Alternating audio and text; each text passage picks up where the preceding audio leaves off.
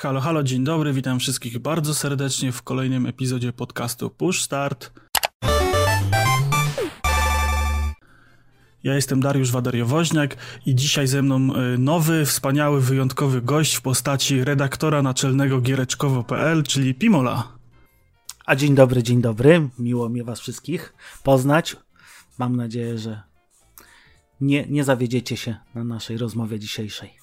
Tak, no i skoro zaczęliśmy już temat y, pana redaktora naczelnego giereczkowa.pl, to mamy zaszczyt was wszystkich poinformować, że właśnie wystartowała e, strona internetowa giereczkowa.pl poświęcona e, recenzjom, e, publicystyce growej, sprzęcie, newsom, filmom różnych ciekawych, fajnych twórców oraz podcastom. Także zapraszamy do odwiedzenia. Nie wiem, czy coś dodać jeszcze na temat strony, panie naczelny?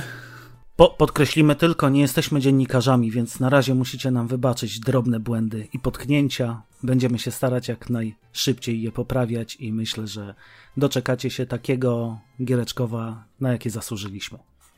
Tak, takie giereczkowo, jakie nic nie robiliśmy. No my akurat, no my akurat trochę w to robiliśmy, także, no ale dobrze, mniejsza o większość, czy tam większa o mniejszość. Przejdźmy może do newsów, które żeśmy przygotowali właśnie ze strony giereczkowo.pl.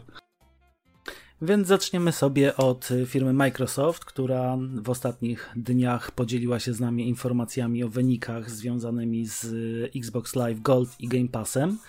Y, okazuje się, że całkiem sobie nieźle te usługi radzą, bo samych użytkowników, subskrybentów Xbox Live mamy obecnie ponad 90 milionów, a jeżeli chodzi o Game Passa, który jest dość młodą jak na razie y, usługą, to już jest y, też 10 milionów użytkowników i dokładnie y, ten wynik osiągnęliśmy 31 marca bieżącego roku. W sumie nie my, tylko Microsoft, ale ja, że używam Xboxa i Xbox Live, więc też się tu pod tym podpiszę jako jeden ze subskrybentów.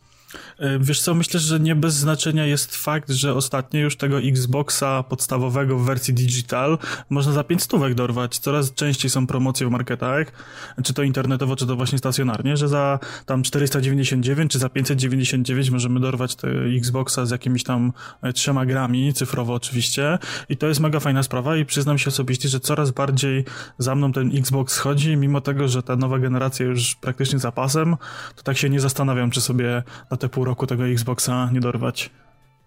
No ja myślę o kupnie akurat też tego digitala, dlatego że w sypialni zawsze stoi telewizor, można nawet sobie go wykorzystać do Netflixa. Natomiast tutaj uważam, że wzrost popularności też y, ma spowodowany jest w sumie tym, że e, sam Game Pass jest dość, dość fajną tutaj e, usługą, dość e, mocno promowaną. Dodatkowo teraz mamy jeszcze tego Ultimate'a, który wprowadza nam dodatki w postaci jakichś tam dodatkowych ciuszków w grach, czy jakiejś zawartości właśnie dodatkowej do części gier. dodatkowo też mamy inne propozycje, jeżeli chodzi o Live Golda Wtedy, jeżeli mamy Ultimate'a, mamy z tego co pamiętam jedną grę miesięcznie dodatkowo. Więc tu też myślę, że to rozwija. No, bardzo, bardzo ciekawa właśnie propozycja. Tak, jeżeli patrzymy na konkurencyjnego PS Plusa, który no mimo wszystko stara się ostatnio z tymi grami, coraz więcej tych gier jest takich yy, wysokobudżetowych, no to jednak e, mam wrażenie, że na koniec generacji to ja tak o przynajmniej od 4 miesięcy nie mam co do biblioteki dodać, bo wszystkie po prostu te gierki już dawno, dawno kupiłem, bo mnie one interesowały, były fajne i ciekawe e, i szczerze wolałem jak było tam więcej indyków, bo więcej gier ogrywałem, e, po które bym normalnie nie sięgnął. A tutaj no Xbox i Live i Gold i, i Game Pass i ten Ultimate, to wszystko po prostu łącznie za grosze mamy dostęp do tylu produkcji, że to połyka wszystkie inne usługi, na wszystkich innych konsolach po prostu z marszu. I... No dokładnie, no, to jest y, wydatek z rzędu dwóch gier, a mamy po prostu dostęp w tym momencie chyba do ponad 250 pozycji i indyków i gier AAA, więc tutaj naprawdę wybór jest niesamowity. Nie da się przy tej usłudze naprawdę nudzić i każdy znajdzie coś dla siebie, uważam. Sony podało ostatnio daty premier dwóch swoich gier, dwóch swoich ekskluzywów.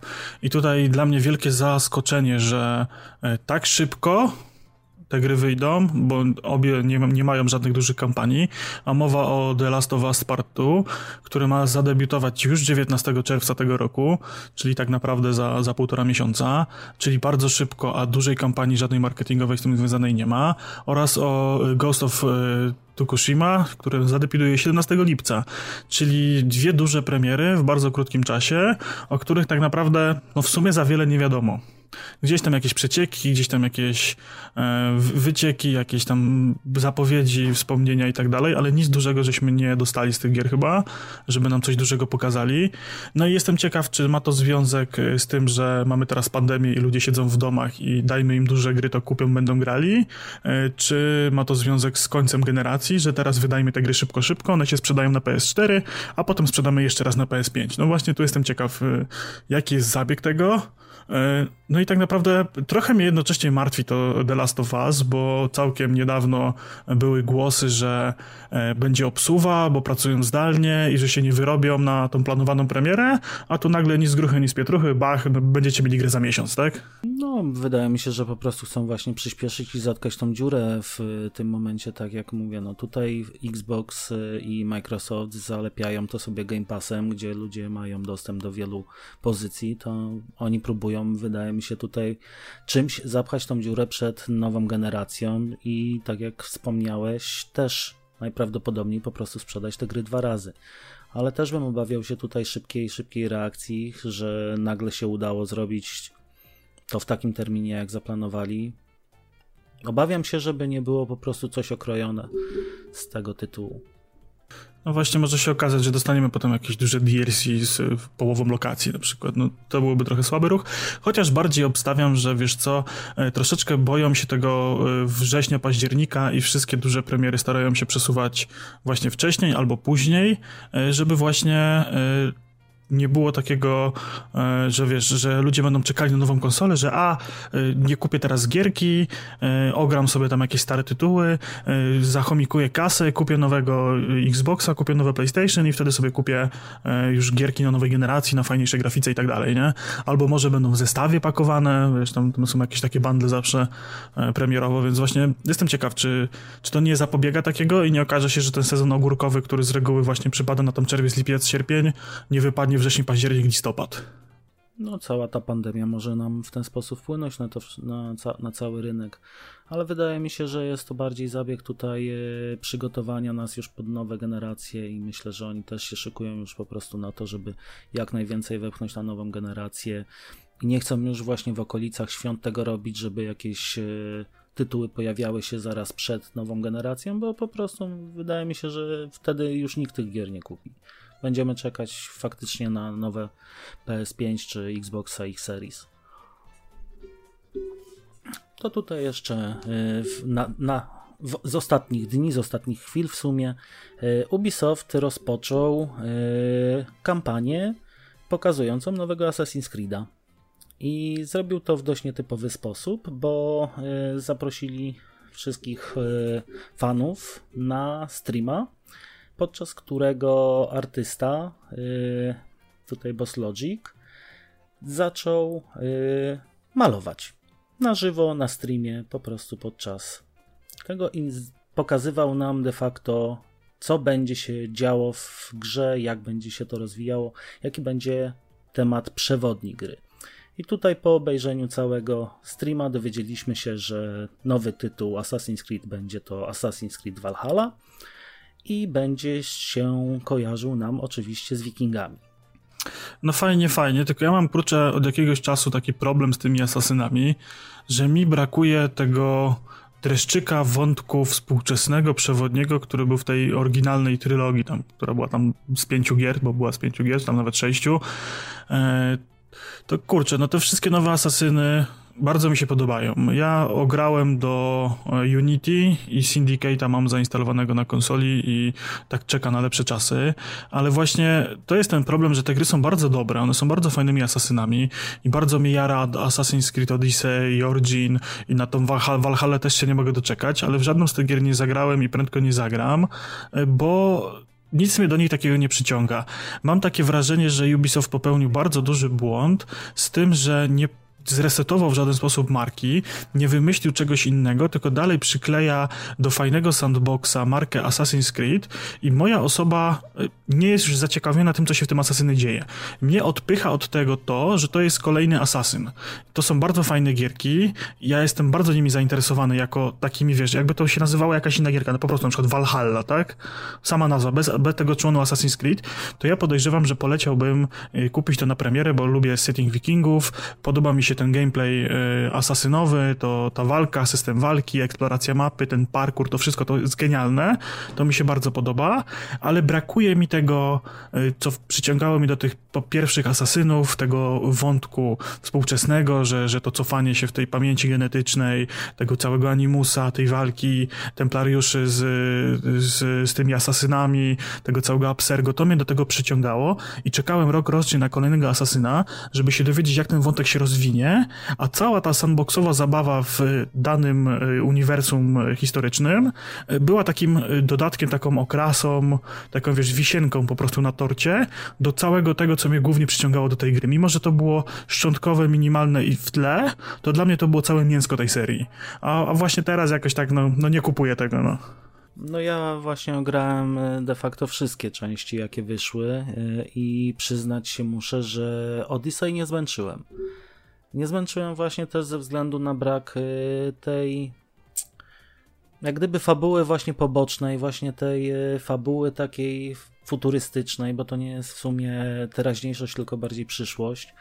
E, I brakuje właśnie tej fabuły takiej, która ciągnęła de facto nawet, czy w Black Flagu, gdzie nie mieliśmy już Desmonda, ale było to fajnie pociągnięte w tych czasach przyszłości, natomiast yy, no, w Odyssey czy w Origins to jest bardzo, bardzo marginalnie potraktowane i myślę, że po prostu to też y, przez to bardzo, bardzo mocno straciło Ubisoft w moich oczach i sama seria Assassin's Creed też nie jest już tak wyczekiwana jak wcześniej, gdzie yy, bodajże od trójki wszystkie miałem na przedpremierowo zamówione i dwa dni przed premierą już w nie grałem.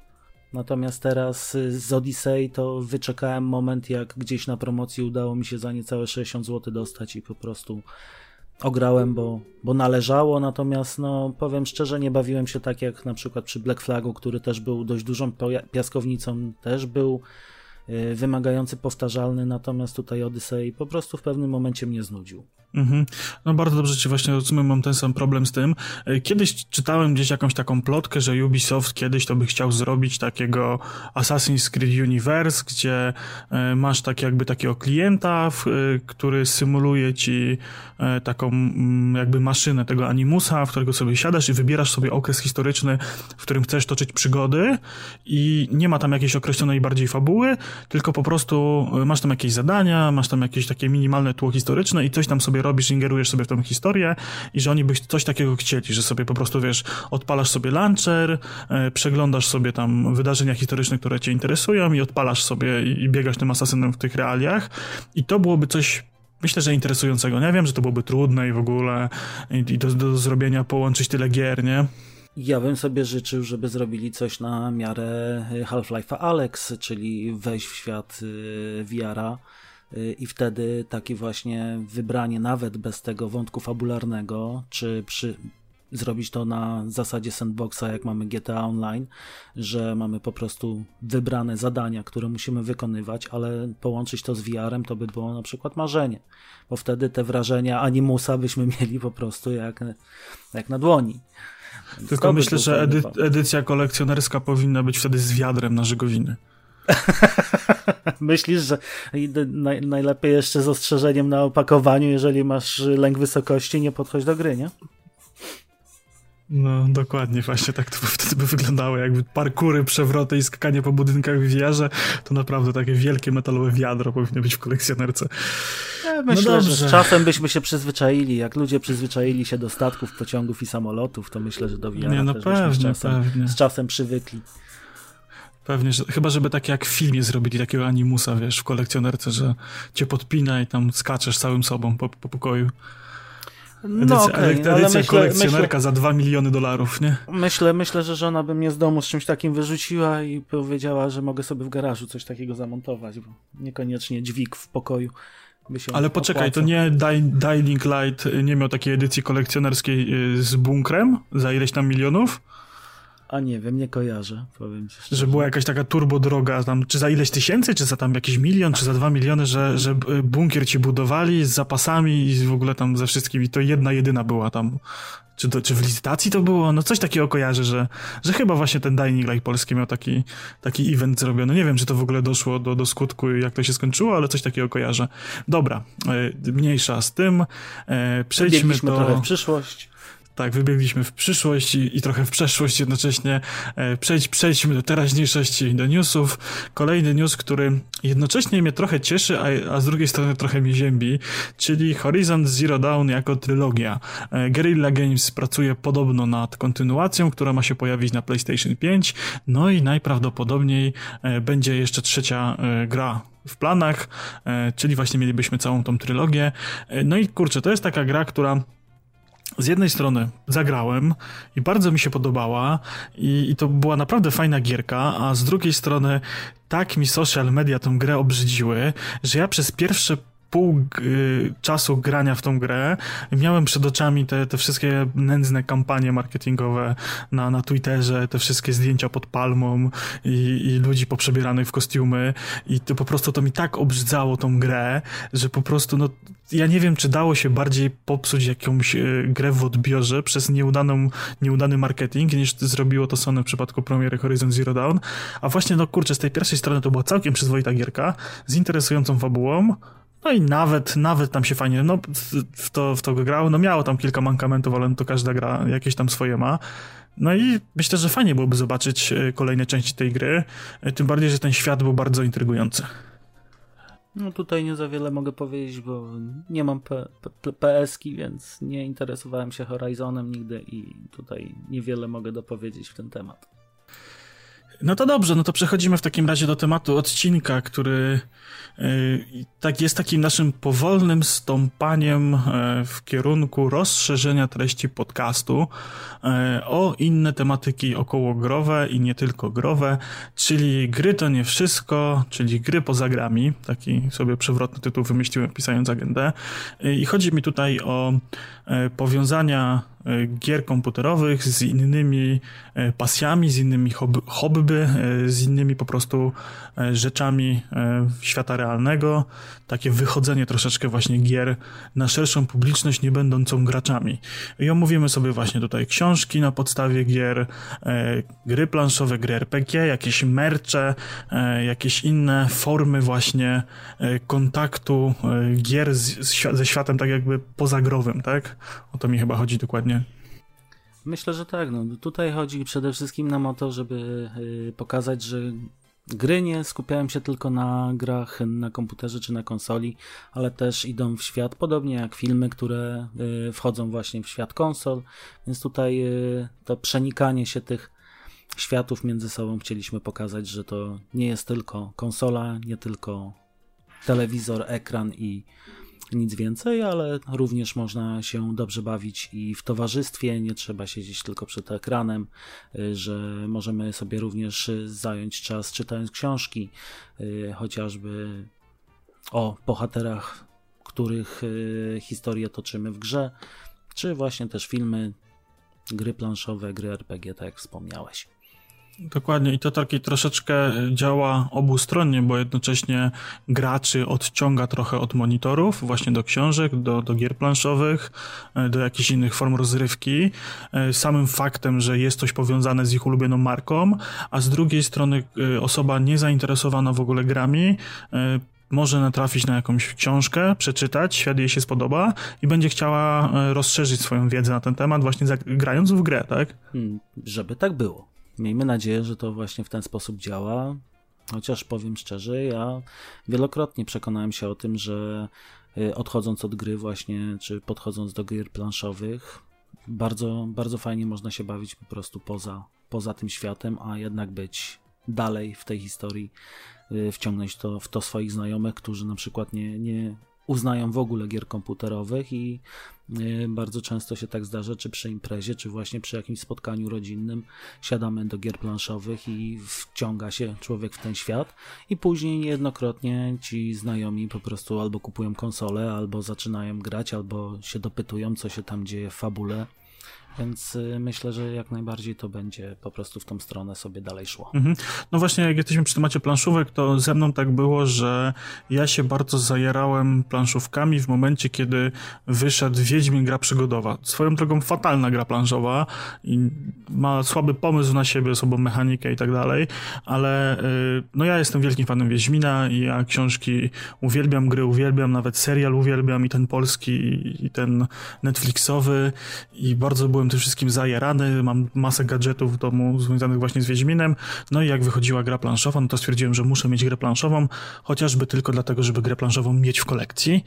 No i żona mi ją sprezentowała na urodziny, e, no i zagrałem właśnie, i zacząłem drążyć temat gier planszowych, bo bardzo mi się to spodobało, mimo tego, że właśnie tak jak wspomniałem, że ta mechanika nie do końca była ok, e, mimo że, że ta sama właśnie gra jakoś tak e, była nudna i rzadko po nią sięgam, ale tak przynajmniej raz w roku gram, to właśnie wprowadziła mnie w świat gier planszowych, zaciekawiłem się tematem i w tym momencie chyba na półce mam ponad 30 pudełek z różnymi grami.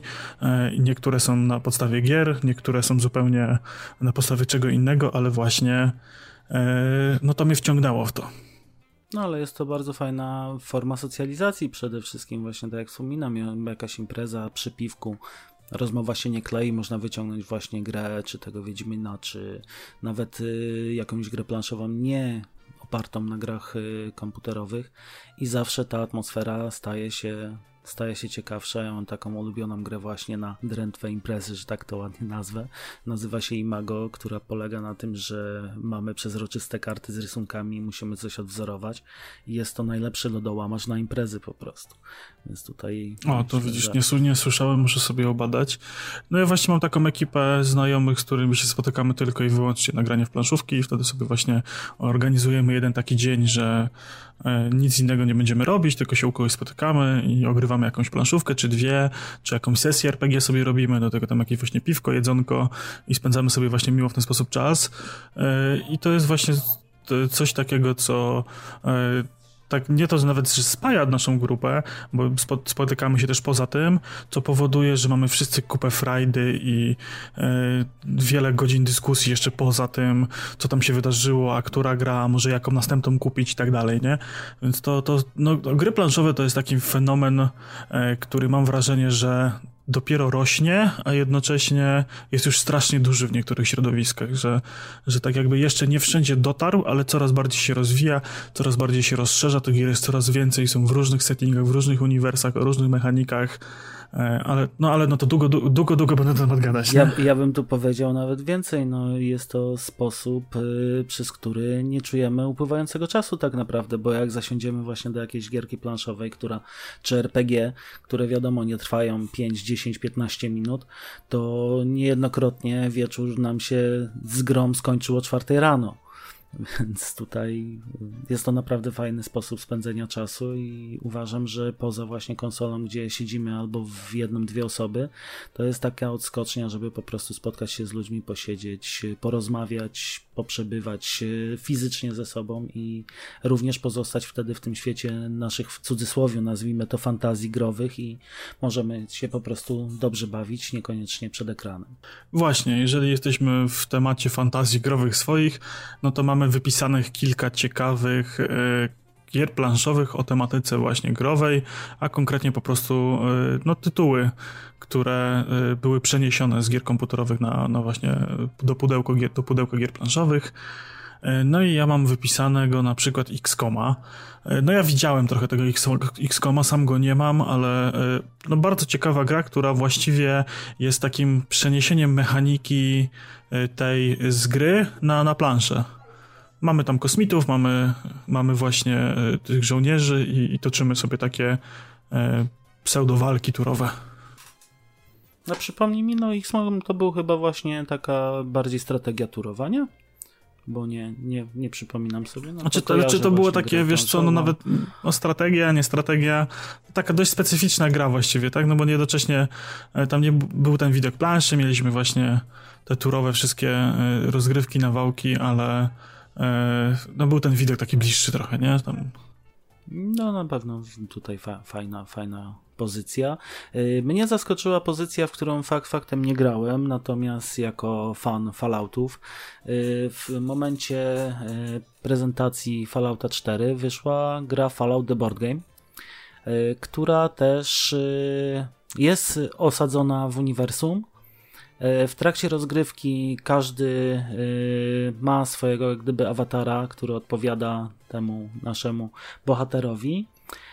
I y, mamy przed sobą bardzo szeroką gamę wyborów, bo możemy grować, z tego co czytałem oczywiście, bo tak jak mówię, nie mam, możemy gromadzić sobie kapsle, doświadczenie, kolekcjonować jakieś przedmioty, sprzymierzać się z towarzyszami. Mm, tutaj możemy również posuwać naprzód linię fabularną, więc w miarę jak podróżujemy po planszy, która jest y, odkrywana jak mapa w Falloutie, więc mamy y, karty, które przedstawiają nam jakiś tam obręb Ameryki, Y, po prostu odkrywamy sobie te lokacje, tam są y, odpowiednie y, zadania przydzielane, różne przedmioty, więc jest to bardziej taki roleplay, ale naprawdę fajnie rozwiązany z tego co oglądałem i szykując się do odcinka się tak nahypowałem na tą grę, że myślę, że w najbliższym czasie trafi ona do kolekcji do domu. Mhm. No gra jest całkiem fajna, ja trochę grałem w nią samej w swojej kolekcji, nie mam, ale mają właśnie znajome i powiem ci, że z tego co gdzieś pamięć mnie, o ile pamięć mnie nie myli, to kojarzę, że e, była kiedyś gra Print and Play, robiona właśnie przez fanów e, Fallouta. Ona się chyba Wastelanders nazywała, czy coś takiego i można było sobie ją tam e, wydrukować w zaciszu domowej drukarki i właśnie pograć i była ona właśnie w takim uniwersum ala Falloutowym i bardzo dużo smaczków miała, no bo to oczywiście prawa autorskie, żebyś tam nikt nie przyczepił, nie? Tam były nazwy pozmieniane i tak dalej, ale właśnie miała bardzo podobną mechanikę, że żeśmy sobie każdy każdy z graczy miał tam jakieś swoje cele, swoje misje i przemierzaliśmy właśnie pustkowia e, pozapokaliptyczne i bardzo fajnie się w to grało, też e, widziałem trochę e, materiałów z tego, nawet mam ją chyba w kolekcji do, do, do wydrukowania kiedyś. Hmm. To musisz mi podesłać, bo nigdy o niej nie słyszałem, to może znajomych namówię, to będziemy ogrywać. E, no i co? E, ja jeszcze wypisałem fenomen polskich e, gier planszowych i polskich gier indie, czyli This War of Mine. Gierka, która jest mega klimatyczna, jest mega kozacka i to, co zrobili z tą planszówką, to w ogóle rozwala mi głowę bo to jest praktycznie jeden do jeden przeniesienie e, na planszę e, gry komputerowej. Mamy tam mapę tego domu, e, mamy karty wypraw, budujemy, kraftujemy, mamy eventy, odwiedzają nas goście. Gra jest tak samo przygnębiająca i mroczna i trudna jak komputerowy oryginał. E, no i przy okazji, no fajnie wygląda, kurczę, naprawdę fajnie wygląda. E, tam ona długo, długo chyba na jakimś tam Kickstarterze e, zbierała na siebie pieniążki. Były tam jakieś właśnie kampanie crowdfundingowe z tym związane, bety, alfy, aż wydali w końcu mega fajną gierkę planszową. I tą gierkę mogę polecić każdemu, kto lubi This of, This War Mine, a nie grał w żadną planszówkę nigdy bo jest łatwa taka, wiesz, do adaptacji. Jeżeli grałeś w grę, no to wiesz, czego się spodziewać, a jest mega kozacka i można się bardzo fajnie wkręcić w ten klimat. No jedyny jej minus, jaki dla mnie jest, no to że tutaj te interakcje między graczami nie są aż tak znaczące. Ja najbardziej cenię sobie gry planszowe, w których za przeproszeniem można dopierdolić koledze. E, tutaj mamy ten, tutaj mamy to pole do popisu e, dość małe, tej interakcji jest tak troszeczkę mniej. No też grę można zagrać w pojedynkę na upartego, jeżeli ktoś nie ma kolegów ani e, żadnych innych znajomych, czy dziewczyny, żony, to może zagrać sam. Także ogólnie polecam gierkę, bo jest naprawdę warta. No i nie jest jakoś specjalnie droga, bo, bo już na jakiejś tam promocji za 120 zł można ją kupić, także Także szukajcie i kupujcie. No to ja będę miał propozycję, która myślę Ci się spodoba. Jak mówisz o tym, że można dopierdzielić koledze, dokładniej tutaj nie tyle dopierdzielić e, można mu yy, wprost, natomiast można go po prostu przechytrzyć, pokonać i będzie to Assassin's Creed Arena. Jak już wspominaliśmy dzisiaj o Assassinie, to tak mi przyszedł też do, do głowy. Y, kiedyś to grałem z u znajomych i też jest to y, gra osadzona tak naprawdę w całym uniwersum Assassin's Creed. Y, przenosimy się do Konstantynopolu do XVI wieku. I podobnie jak w elektronicznej odmianie, kontrolujemy jak gdyby swojego awatara, czyli jakąś tam postać, którą poruszamy się po ulicach, e, po dachach tego Konstantynopolu. Mamy różnego rodzaju zadania, czy to są kradzieże, czy są to e, pozbywanie się świadków, żeby nas nie wykryto. E, możemy zdobywać niejednokrotnie fajne, unikatowe bronie. Ogólnie likwidujemy tam y, innych asasinów, y, likwidujemy również strażników, mamy oddzielne cele, czyli jakieś tam y, wyznaczone osobistości w czasie gry, które musimy po prostu zabić, bo jakby nie było, jesteśmy cichym zabójcą. I celem gry jest zostać po prostu najlepszym zabójcą, czyli osiągnąć jak najwięcej celów, które zostaną nam wyznaczone. I gra się w to bardzo fajnie. Gra jest tak na myślę godzinkę, półtorej spokojnie, na od dwóch do czterech graczy.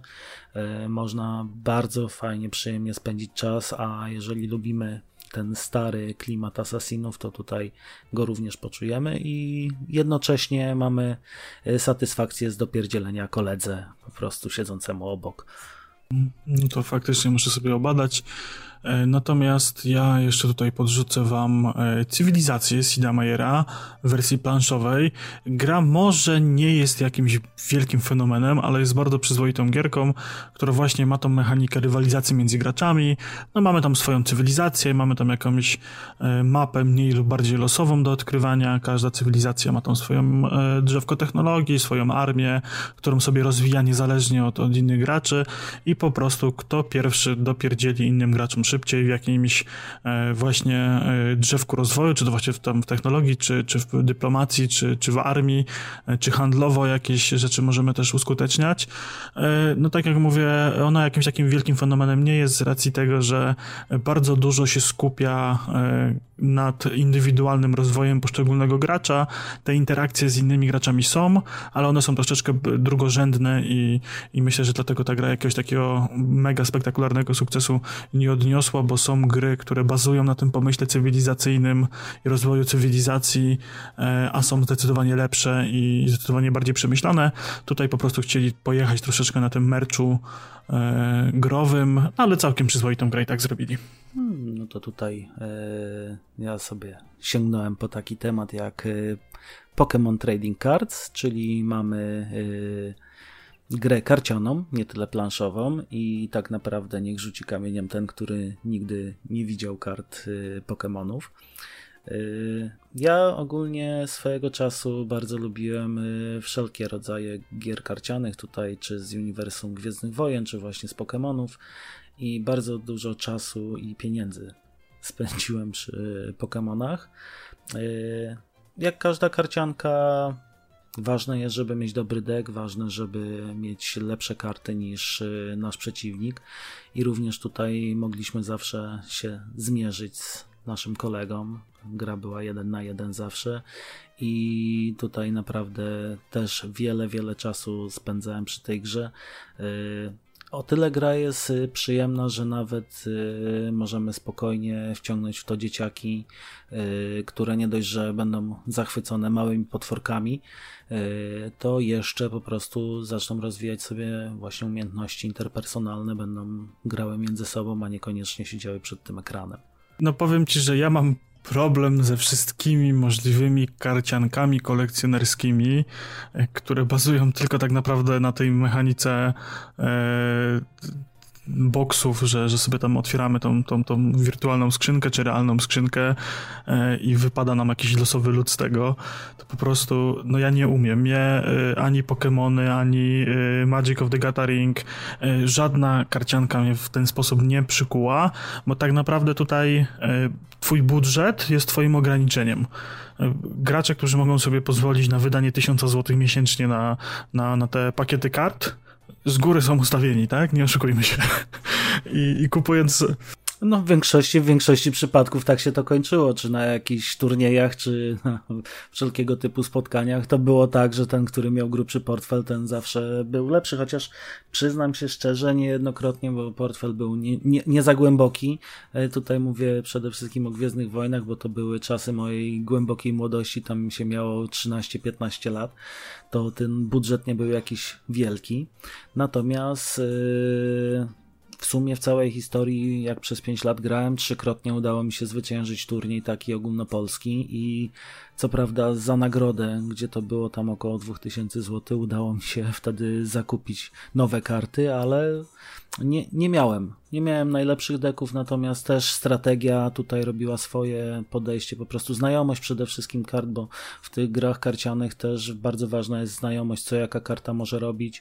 Yy, oczywiście odpowiednie zbudowanie deka, yy, przygotowanie się pod dane scenariusze, więc Tutaj naprawdę można, można to zrobić bez głębokiego portfela, natomiast trzeba naprawdę dużo czasu na to poświęcić i się w to wciągnąć i wtedy jest to osiągalne, natomiast no tak jak mówisz, zawsze ten, który ma głębszy portfel na pewno będzie dużo trudniejszy do pobicia. No to widzisz, no nawet, nawet nie wiedziałem, że tu taka gwiazda polskiej strony, sceny Magica ze mną jest.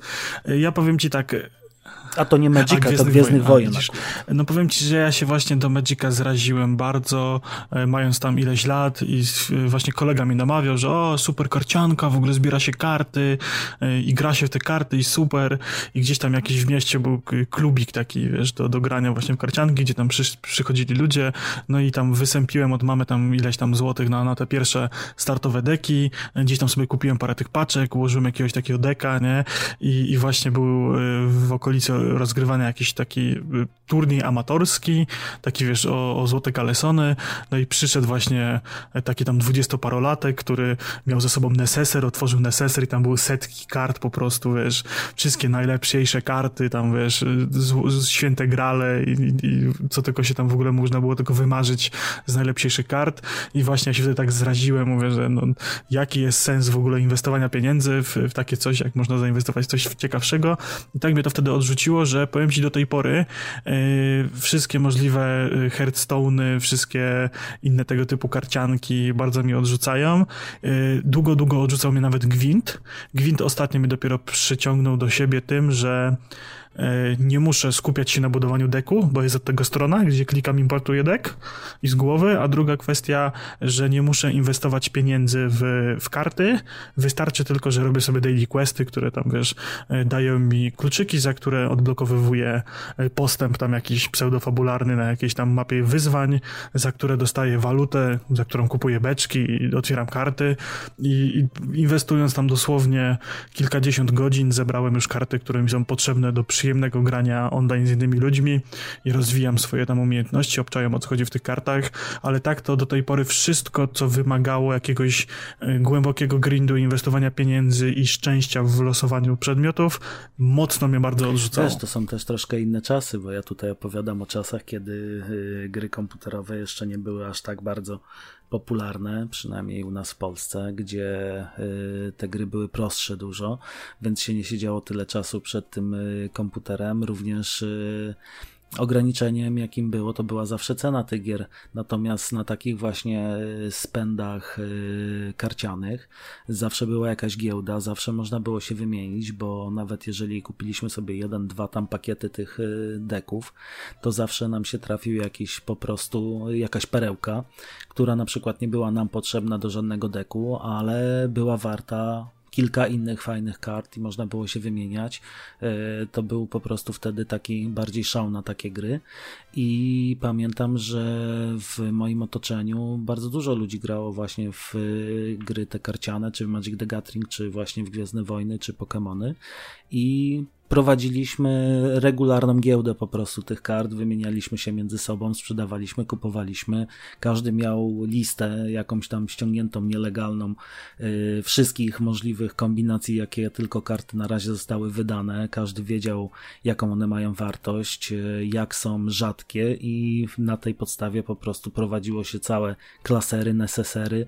Wyglądaliśmy niejednokrotnie jak po prostu jakiś pan księgowy z yy, kapowniczkiem, w którym ma rozpisane, która karta jest bardzo rzadka, która jest mniej rzadka i sprawdzaliśmy w jakich wersjach, bo to też było bardzo y, ciekawe, że niektóre karty występowały w dwóch, trzech wersjach i różniły się właśnie y, nie, w samej grze nic nie zmieniały. Natomiast y, różniły się na przykład wyglądem, bo była świecąca, bo była y, foliowana, bo była metalowa, więc to zawsze było jakieś tam y, rozrywka w ten sposób i naprawdę fajnie to działało, bo odciągało takie właśnie dzieciaki 15-12 lat od tego komputera, jeździło się, spotykało się z ludźmi, rozmawiało i to też były rozmowy między ludźmi rzędu, nie wiem, 12 a 25 lat, prawda? Więc to było dość sympatyczne, miło to wspominam, natomiast też y, później człowiek się trochę wciągnął w inne tematy i te karty zostały zapomniane. No to widzisz, właśnie y, myślę, że ten pierwszy osiedlowy turniej był dla mnie kluczowy i myślę, że teraz z tej perspektywy, że wiele mnie ciekawych rzeczy ominęło, no ale tak jak mówię, no zraziłem się wtedy strasznie do tego, stwierdziłem, że nie ma sensu wydawać na, na to pieniędzy i, i ciężko zapracowanego kieszonkowego wtedy y, i, i porzuciłem temat zupełnie. Gdzieś tam podejrzewam, że w piwnicy dalej te parę kart leży. Może nawet teraz byłoby coś warte. Muszę sprawdzić. O, to sprawdzić, bo powiem ci szczerze, że teraz jak patrzyłem na niektóre oferty właśnie kart, które miałem tam kiedyś 100 lat temu, to teraz ceny potrafią osiągać naprawdę zacne.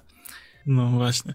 Dobra, no to przejdźmy może trochę dalej już tych kart y, pokemonowych i, i, innych y, na y, najbardziej znienawidzoną grę planszową wśród wszystkich ludzi grających w gry planszowe tak pseudo na poważnie, czyli tych takich pro-planszówkowców, czyli na Monopoly we wszystkich możliwych growych wersjach. Od Falloutowej przez Nintendo, tą Pokemonową też jest, chyba nawet jakieś tam e, Gears of War, no tego jest masakrycznie dużo. Monopoly, no, no gra jak gra, tak? Każdy wie czym jest Monopoly, e, czy ewentualnie Eurobiznes, który był w Polsce popularny, ale tych wersji merczowych na, na, na różne e, inne popularne marki jest masakrycznie dużo, no i one tak naprawdę niczym się nie różnią, poza tym, że mamy właśnie tam piątki z Fortnite'a, jakieś lokacje z Fortnite'a, czy, czy z Fallouta, czy z Mario, no to myślę, że warto mieć jakieś Monopoly w swojej kolekcji. Ja uważam, że, że to jest taka gra, która zawsze jak mamy jakąś większą e, grupę ludzi, a niekoniecznie bardzo chcemy się tam angażować w rozgrywkę, to jest spoko wyciągnąć na stół, pograć sobie, to jest tak luźno, bez większych przemyśleń tam e, i, i rachunków, kalkulacji i, i rozmyśleń właśnie nad planszą. Także ja osobiście e, polecam mieć to Monopoly. No i tak jak mówię, no wycisnęli ten merch do oporu. Ja mam akurat trzy wersje, natomiast żadnej nie mam właśnie takiej merge'owej w tytule z grami. Natomiast jeżeli chodzi o Monopoly, to ja mam tutaj takie mieszane wrażenia zawsze, bo yy, zależy z jakimi znajomymi się gra. Jeżeli znajomi są bardzo nastawieni na to, że muszą wygrać, muszą być najlepsi, to Monopoly jest bardzo, bardzo niebezpieczną grą. Zwłaszcza jak się siedzi y, wieczorkiem przy jakimś alkoholu i yy, Zdarzyło mi się, że gra skończyła się dużą awanturą, bo, bo ktoś coś nie mógł, coś nie chciał zrobić, nie chciał odsprzedać i po prostu się to kończyło różnie. Ale nie, no to wiesz, to standard, no w końcu to jest, wiesz, jeden wielki mem na wszystkich grupach planszówkowych, że Monopoly to jest gra niszcząca rodziny, związki i wieloletnie przyjaźnie, tak? Dlatego to osobiście uważam, że do tego trzeba podejść z dużym dystansem i to jest taka gra właśnie, spotykacie się z, ze znajomymi, e, gadacie sobie tam przy piwku, nie chcecie się w nic angażować, więc spoko jest właśnie właśnie sobie e, pograć w Monopoly. Jeżeli macie właśnie takich znajomych, którzy na ludzie do tego podchodzą, wiecie, że będzie śmiesznie, będzie tam się licytować, targować, jakieś home rule do tego wejdą, wasze jakieś takie ulubione yy, i będą takie pozytywne emocje ku temu, tak, żeby się pośmiać i pogadać o pierdołach w tym, w tym czasie, no to spoko, tak, no bo są takie gry planszowe, przy których nie pogadacie, tak, jakieś tam e, ryzyko, czy jakaś gra o tron, czy jakieś tam wsiąść do pociągu, to niby są niektóre, wsiąść do pociągu to akurat lightowa gierka, tak, ale raczej każdy siedzi i głęboko rozkminia, to nie są gierki do pogadania o pierdołach, tylko to są gierki do czysto pogrania, tak? Każdy się skupia na strategii i tak dalej, a tutaj myślę, że z takim dużym dystansem można sobie właśnie podejść na lajcie, pogadać o pierdołach, powygłupiać się właśnie no taka, no, po, po, po, poinwestować w odpowiednie pola, dopierdzielić sąsiadom, że, że, że, że muszą zapłacić za hotel i wtedy jest dużo, dużo zabawy. No tu oczywiście też y, tak się zdarza, natomiast z Monopoly, tak jak mówię, trzeba czasem uważać, z kim zaczynamy grać, ale również polecam, tak jak mówię, sam mam y, trzy wersje. No właśnie, właśnie, o to cię chciałem jeszcze zapytać. Dlaczego? Jak do tego Dlaczego? doszło? Dlaczego? E, to znaczy tak, pierwsze Monopoly to było po prostu marzenie dzieciaka, który grał zawsze w Eurobiznes, gdzieś tam to Haribo e, się pojawiało. E, Hasbro. Było troszeczkę faj... Hasbro, przepraszam. Zawsze się gdzieś tam pojawiało znajomych, fajnie, fajnie by było mieć i taką pierwszą wersję po prostu gdzieś tam kiedyś wystąpiłem od rodziców.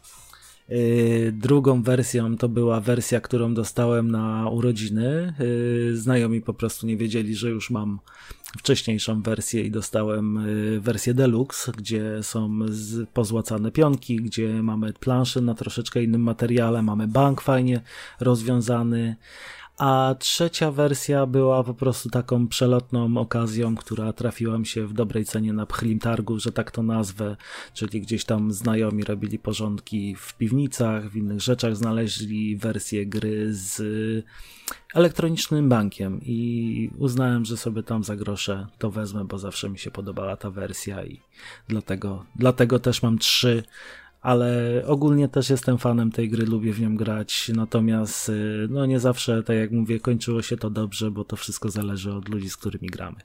Dokładnie tak.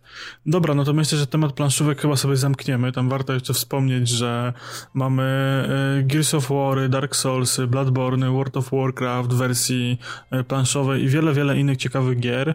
E, one cały czas gdzieś tam się, się pojawiają jakieś nowe, czy to właśnie na, na kanwie jakichś gier, czy, czy, czy, czy filmów. Także warto sobie obserwować, jeżeli macie jakieś swoje ulubione uniwersa, to on poszukajcie, czy przypadkiem jakiejś planszówki nie ma. E, Bloodborne i Dark Souls, z tego co wiem, to są bardzo przyzwoite gierki. E, no niestety mnie do nich cały czas odstrasza cena.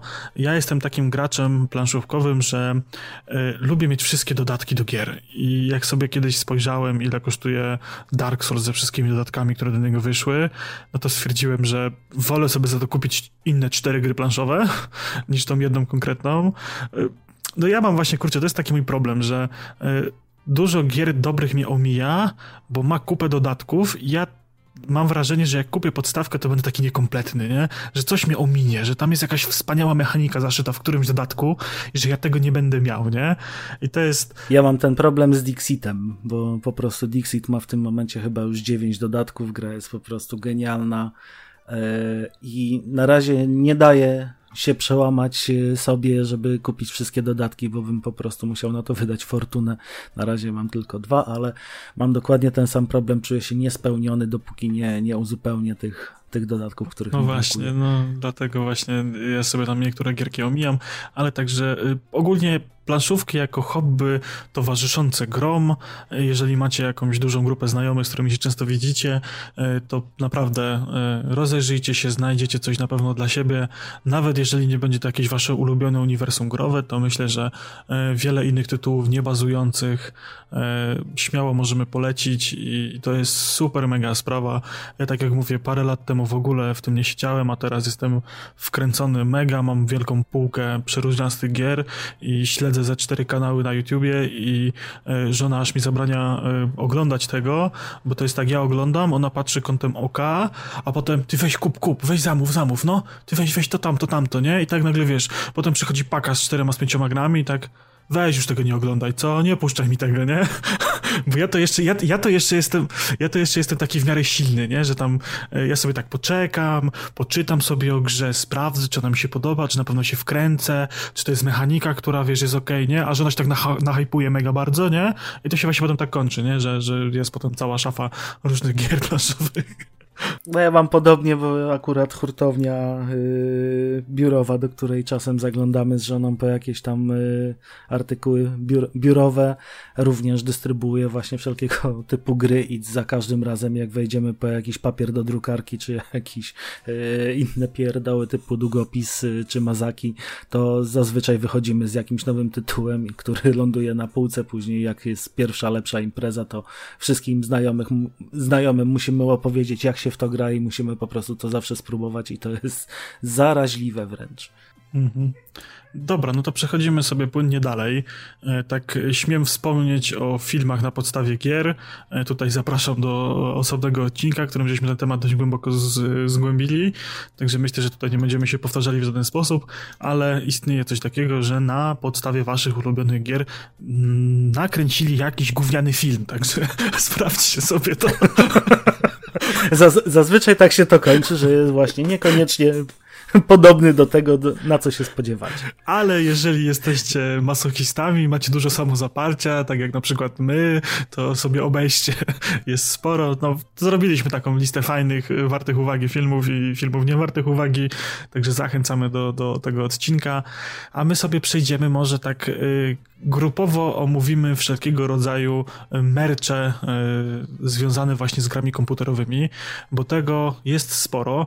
U nas to tak jeszcze względnie mało popularnie, ale Zachód e, jest pełen e, zabawek e, growych, takich typowo dla dzieci. Są to jakieś figurki G.I. Joe, czy to z Gears of War, czy z jakichś innych rzeczy, czy, czy nerfgany z różnych gier. Z tego co wiem, to jest cała seria broni nerfowych z Overwatcha. Nintendo dość sporo pcha się w różnego rodzaju zabawki dla dzieci. Ja nawet mam sporo jakichś takich figurek, czy to Yoshiego, czy Księżniczki Peach, czy Mario właśnie z McDonalda, znaczy ja, córka moja ma. no, no teraz, teraz to córka, teraz to córka. Nie, bawi się, bo ona bardzo lubi w ogóle właśnie y, Mario to jest jej ulubione uniwersum i te wszystkie, wszystkie te księżniczki ogarnia, także... O, oczywiście córka wybrała. Y no powiem ci, że... nie, powiem ci, że nie, czy ona wtedy była za mało na McDonalda, ale gdzieś tam się trafiły w jakichś, wiesz, tam zabawkach, no. gdzieś tam od kogoś dostała, nie? E, także właśnie... Nie śmieję e, się, że, żeby nie wyszło, że nie jesteś, wiesz, fanem Nintendo, tak, tak, tak, tak muszę tak. się trochę podśmiać. Natomiast ja tutaj też wspomnę, jeżeli mówimy o zabawkach, to mnie troszkę przeraża, bo yy, mojej żony bratanek jest akurat wielkim fanem Minecrafta. I jak zobaczyłem ile tych zabawek i ile tego wszystkiego w tym momencie jest na rynku, to się złapałem za głowę, bo widziałem nawet yy, chyba metrowej wielkości pluszaka, creepera, do który, z którym może dzieciak spać i po prostu no, jest tego, tego mega, mega dużo. No Fortnite też ma bardzo dużo e, swoich zabawek marczowych, te lamy i tak dalej, tam różne tego typu rzeczy. E, na stoiskach, w kurortach e, uzdrowiskowo-wypoczynkowych jest masa drewnianych karambitów z CSGO, czy jakichś innych tego typu atrakcji. No Lego ma bardzo dużą współpracę z wieloma markami, bo jest Lego Minecraft i teraz Lego Mario będzie będzie, jest seria klocków z Overwatcha, także jest tego dużo i to są naprawdę fajne, fajne rzeczy. No i koniecznie musimy wspomnieć o, o piórnikach, koszulkach, czapeczkach, zeszytach z Fortnite'a, z Minecrafta, czy z jakichś takich innych gier, które, no kurczę, no to jest właśnie tak, że to widać po takim merchu, które gry są do kogo targetowane, bo nie ma zeszytu, wiesz, tam z Gears of War, czy tam z Halo, nie? Tylko jest, kurczę, zeszyt z Fortnite'em, nie? I to jest takie, to tak, no, ale, ale głównym odbiorcą Fortnite'a właśnie są dzieciaki w wieku szkolnym, więc no właśnie, no, ale trudno widzisz, się no... spodziewać, że nie będzie piórnika, nie będzie jakichś trampków do, na WF z, nie wiem, z nowymi postaciami ale z Fortnite'a. Ale to jest, wiesz, czy... to, się, to się tak strasznie, kurczę, gryzie, bo masz taką narrację, że nie, nie, nie, my jesteśmy grą dla osób pełnoletnich, mamy skrzynki, mamy hazard, kupujcie, wiesz, tylko pełnoletni ludzie, nie? A potem seria zeszytów z lamą, nie? Dla, dla siedmiolatków. No tak, no, no. Ale, ale to może nie jest dla siedmiolatków. Może to jak siedzisz w biurze, wypełniasz sobie jakieś notatki, nie wiem, jesteś księgowym, musisz coś sobie zapisać, to, to sobie widzisz, kupujesz taki zeszyt chciałbym z, tak Fortnite'a i wiadomo... Przyjść do swojej księgowej, nie, tak, wiesz, wyciąga zeszyt, panie Darku, nie, tu wiesz, fakturki wkleimy, nie, i tam, wiesz, wyciąga zeszyt z Fortnite'em, do tego piórnik z Minecraftem, nie, długopis właśnie tam z Harry'ego Pottera, nie, i wypisz sobie mi fakturki, nie. Tak, bo ona jest wielkim fanem gier. No to nigdy nie wiesz, no. A nigdy nie wiesz, co kto będzie zbierał, no. Więc tutaj rynek, rynek po prostu podąża, myślę, za popytem i dlatego tego tyle mamy. No nie jest to bezpodstawne. Na, na pewno jakby się pojawiło, nie wiem, y, pluszowy Mm, nie wiem, potworek z Duma, też byśmy go kupili, tylko że to już by kupili raczej dorośli niż właśnie dzieciaki, nie? Chyba był teraz w jakiejś edycji prasowej, wiesz, ten, ten, ten z okiem No gdzieś taki. właśnie widziałem, ale nie, nie, mm. nie widziałem go dostępnego nigdzie właśnie tak w sklepie, jak na przykład wchodzę do hurtowni zabawek i nie widzę go gdzieś tam, że sobie wisi obok, nie wiem, misia czy, nie wiem, jakiegoś creepera, które są po prostu w ilościach masowych, natomiast tych zabawek takich właśnie w cudzysłowie, nazwijmy kolekcjonerskich, no to tego, tego już nie widać za wiele. Ale powiem ci, że to jest coś, czego ja się boję pod względem tego, że jak będę miał trochę więcej miejsca, to ja jestem strasznym maniakiem takich pierdół, nie? Ja wiem, że jak będę miał miejsce, gdzie to trzymać, to będę miał zasrane tymi wszystkimi, wiesz, duberelkami. Ja w tym momencie na biurku, jak się tak rozejrzę, to tak, mam y, kubek z Kylo Renem, taki y, hełm Kylo Rena w formie kubka, tu są jakieś dwie figurki wiedźmińskie, tu jest jakiś ludek z Minecrafta, tu jest wiedźmiński medalion, tu są Lego Gwiezdne Wojny, ja mam takich małych duperelków, wiesz, bo nie mam miejsca, więc mam takie małe pierdółki poustawiane. Część mam w piwnicy tego zestawu schowane, ale jak będę miał miejsce, to ja wiem, że po prostu mnie wpuścić do, na Allegro albo do jakiegoś właśnie sklepu z zabawkami to będzie kurczę masakra. Ja będę miał zarąbane no, moja tego żona, tonę. Mo moja żona rozwiązała problem w bardzo szybki sposób, po prostu mamy trzy koty w domu. Więc nie mogę sobie postawić nic, bo wszystko ląduje za chwilę na ziemi. A, myślałem, że ci kieszonkowe wydaje. To... Nie, kieszonkowe to kieszonkowym, natomiast jedyne rzeczy, jakie mam, to są właśnie jakieś yy, yy, takie figurki. To wszystko stoi po prostu za szkłem, gdzieś schowane, yy, ledwo widoczne, więc nie rzuca się w oczy nie ma na to miejsca, więc nie kupuję. Z tym kieszonkowym to się tak śmieje, bo bodajże w teorii Wielkiego Podrywu była taka scena właśnie, że tam jeden z tych, tak, z tych tak. nerdów dostał kieszonkowy od żony, bo wydawał na pierdoły, nie? więc było z nim No, na pierdoły. Kup... Akurat to był, to mówisz o odcinku, w którym kupił drukarkę 3D za parę tysięcy dolarów, więc... Żeby drukować na pierdoły, tak? Żeby drukować pierdoły. No tak, no. Dokładnie tak, ale po co drukarka 3D komuś? No to tylko pierdoły się. No ja mam właśnie takich pierdół też nadrukowane, właśnie tam Pokebola, jakiś ten znaczek Insigni Śmierci z Harry'ego Pottera, no też mam Odisha, doniczkę z Odiszem, no mam takich pierdół, no to jest właśnie problem y, bycia fanem gier i, i mieć miejsca i, i posiadania takiego, drukarki znaczy, 3D. No, mam po prostu hopla na posiadaniu jakichś właśnie gadżetów z takimi różnymi, z różnych gier i tak dalej, i marek, które lubię i to jest właśnie no, tego typu problem. Dobra, bo żeśmy tak odpłynęli całkiem bardzo od brzegu. Przejdźmy może Ale do... Dobrze. Tak, tak. No. Przejdźmy może do kolejnych e, działów e, kultury, czyli do książek, książek, komiksów, no ogólnie literatury, tak? Tego też wiele na podstawie gier powstaje. E, warto wspomnieć w pierwszej kolejności o y, największej produkcji na podstawie gier komputerowych, czyli o Sadze Wiedźmińskiej. Tak, to jest na, na, najwie, największy tytuł na podstawie gier. Tak, tak. No, uśmie to, uśmieszek na tak, pewno. bo to bo oczywiście y, książki powstały na podstawie gier, także no, znaczy, no, no, wszyscy wiemy, że tak nie jest, ale takie heheszki musiałem wstawić w agendę, bo, bo mi się przypomniało. Y, no ale mamy bardzo dużo książek i komiksów z uniwersum World of Warcraft, które nam nam tam gdzieś opisują e, lore i, i historię dookoła. Ja Blizzarda lubię bardzo za to, że on y, dość mocno mm, pilnuje tego swojego uniwersum. I tam wszystko, co jest wydane pod marką World of Warcraft, czy, czy Diablo, czy Overwatch, jest bardzo mocno ściśle y, kontrolowane, a nawet wręcz y, w niektórych przypadkach jest na zlecenie Blizzarda, że jest tam główny ten kreator fabularny z danej gry, przychodzi do jakiegoś autora, pisarza, czy, czy innego artysty i mówi mu, co, o czym ma napisać, tak? Główny temat, główny nurt, tamten autor dookoła tego sobie tam dopisuje jakąś swoją historię i wydarzenia, potem to weryfikują i dopiero wydają, także to jest bardzo spójne z grami. E, no w przypadku takiego dużego MMORPG jak World of Warcraft, no to jest o tyle spoko, że e, ludzie, którzy są bardzo zajawieni w to, co się dzieje w tym świecie, to mogą sobie dobudowywać tymi wszystkimi historiami i no i całkiem spoko to jest, no to jest bardzo fajne, ja bardzo lubię też te y, eventy y, związane z Overwatchem, z komiksami, z opowiadaniami dookoła Overwatcha, to mega fajnie rozwija fabułę i jest mega bardzo przyjemne moim zdaniem.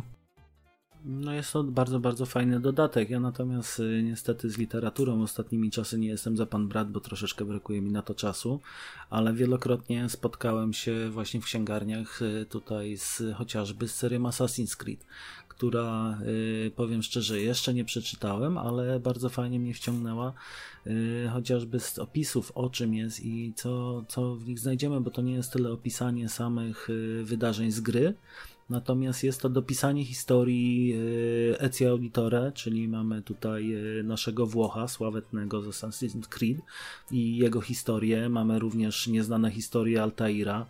Mamy również książkę o e, historii Edwarda Kenwaya, więc tutaj literatura na podstawie gier jest fajnym rozszerzeniem, bo wprowadza nam tutaj bardzo często to, czego nie widzimy w grze.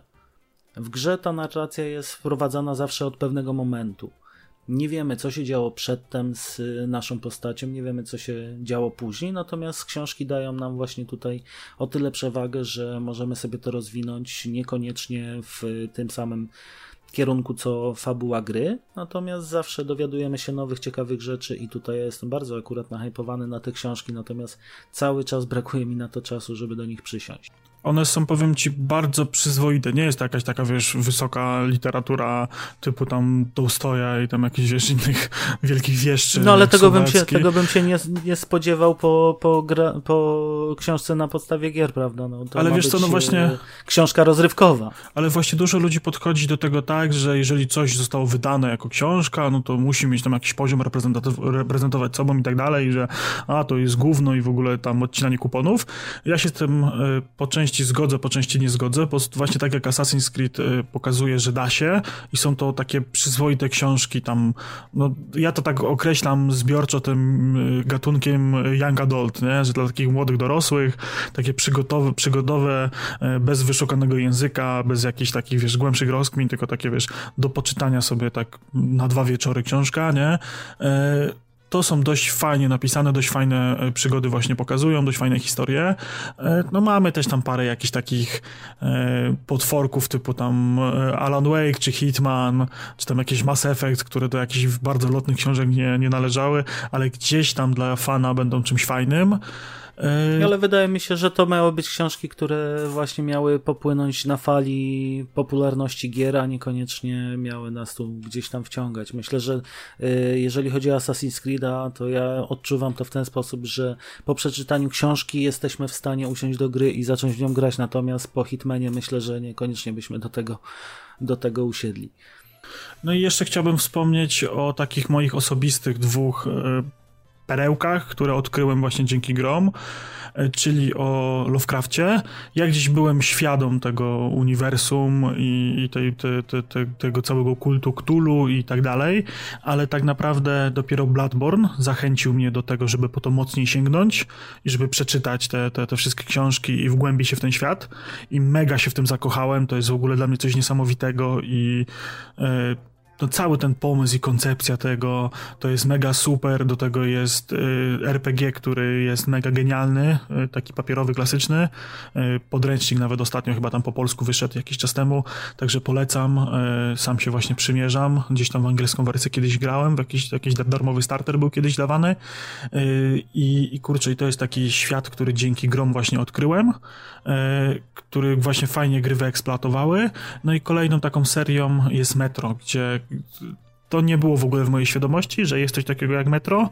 E, dopiero jak wyszła pierwsza gra i zagrałem i dowiedziałem się, że jest książka, przeczytałem książkę i w tym momencie jestem chyba na bieżąco łącznie z tymi Metro Universe, bo tam autor zrobił taki fajny patent, że e, pozwolił ludziom pisać o innych metrach na świecie że po prostu otworzy uniwersum i można sobie coś tam, e, że każdy mógł sobie coś pisać. Nawet jest książka o, o polskim metro, nawet które nie jest metro, tylko tam jest chyba jakąś kopalnią czy, czy jakimś bunkrem opuszczonym, już nie pamiętam dokładnie, ale są opowiadania, są, są, są książki, jest tego, jest tego sporo. No i plus ta główna, e, główna seria pana Dimitrija Głuchowskiego, także super sprawa, polecam. E, do tego jest jeszcze, bym wam mógł polecić polskie e, książki od pana Michała Głuchowskiego związane ze Stalkerem. Tego też jest sporo. Jeżeli ktoś lubi klimaty stalkerskie, to, to jest coś mega fajnego. One takie, one nie są kurcze na podstawie gier, ale są w uniwersum growym, tak? E, one są tak jakby, bo o ile sama gra odnosiła się do tego pikniku na skraju drogi e, Strugackich, to te jego książki odnoszą się bardziej do gier. Mamy ten świat wykreowany właśnie przez gry, więc w sumie teoretycznie można byłoby powiedzieć, że, że to są właśnie książki do gry, tym bardziej, że on tam chyba nawet jakąś licencję od tego studia dostał, bo tam i jakieś anomalie i artefakty występują, które występują w grach, a taka ciekawostka z mojego życia prywatnego e, to jest człowiek, który bawił się z, właśnie z nami w ASG i przyjeżdżał na larpy stalkerskie, które były na podstawie gier i po którymś larpie właśnie e, machnął sobie pierwszą książkę e, i przyjeżdżał tam reklamować na, na tym larpie tą swoją książkę i ona właśnie fajny sukces odniosła. I e, jest sporo takich smaczków e, prywatnie dla mnie, bo ja e, swojego czasu byłem bardzo mocno właśnie wkręcony i w wielu larpach w całej Polsce brałem udział właśnie w tych klimatach Stalkera i kilka akcji, kilka przygód, które się, czy, czy gagów, czy jakieś scenek, które się odgrywają w książce, gdzieś miały swoje miejsce właśnie na tych larpach i, i to jest dla mnie takie mega miłe. No tym bardziej, że, że, że pan Michał dalej jeździ na te larpy, dalej je odwiedza i e, no teraz to już się lubi tak e, przebrać i skamuflować, żeby go nikt nie widział, nie? Bo tam jednak trochę tych książek już machnął, e, no ale dalej, dalej występuje, dalej jeździ, także polecam sobie zajrzeć do serii tych książek. No i Więc teraz jak chcemy mhm. poznać prywatne życie Waderio, lecimy do księgarni, kupujemy książki pana Michała i doszukujemy się ciekawych smaczków. Później będziemy mogli go na Discordzie wypytać o to. Dokładnie. Czy, czy to ty to odwaliłeś, tak? Tą głupią akcję, w była w książce. Będziemy zakładać, że wszystkie głupie akcje były od ciebie. No nie, to jest nieprawda. I, to kłamstwo. Pomówienia same. Pomówienia, dokładnie. No dobrze, to myślę, że tutaj e, tematy, temat byśmy zamknęli. Myślę, że tak, że wydaje. no tego pewnie gdzieś tam jest więcej, gdzieś tam jakichś innych rzeczy dookoła growych no, ale to, dużo. To, to, to byśmy musieli spędzić, myślę, że z 2-3 godziny nad odcinkiem, żeby po prostu omówić wszystko, co się pojawia, bo naprawdę tego jest sporo, włącznie tak jak rozmawialiśmy z filmami, to już był cały odcinek poświęcony temu, więc tutaj myślę, że na takie rzeczy jak właśnie literatura sama też byśmy mogli poświęcić cały odcinek. Natomiast myślę, że tutaj liznęliśmy temat na tyle, żeby nas wszystkich zaciekawić tym i żeby każdy we własnym zakresie mógł się też troszeczkę rozwinąć, bo nie możemy tak ułatwiać sprawy. Pewnie. No i zapraszamy do nas na, na Discorda giereczkowego, podcastu giereczkowego i strony giereczkowo.pl. E, tam sobie z nami możecie pogadać. Napiszcie nam właśnie, jakie są wasze ulubione książki czy gry planszowe związane z grami. A my sobie przejdziemy do omówienia tego, co tam ostatnio u nas ciekawego.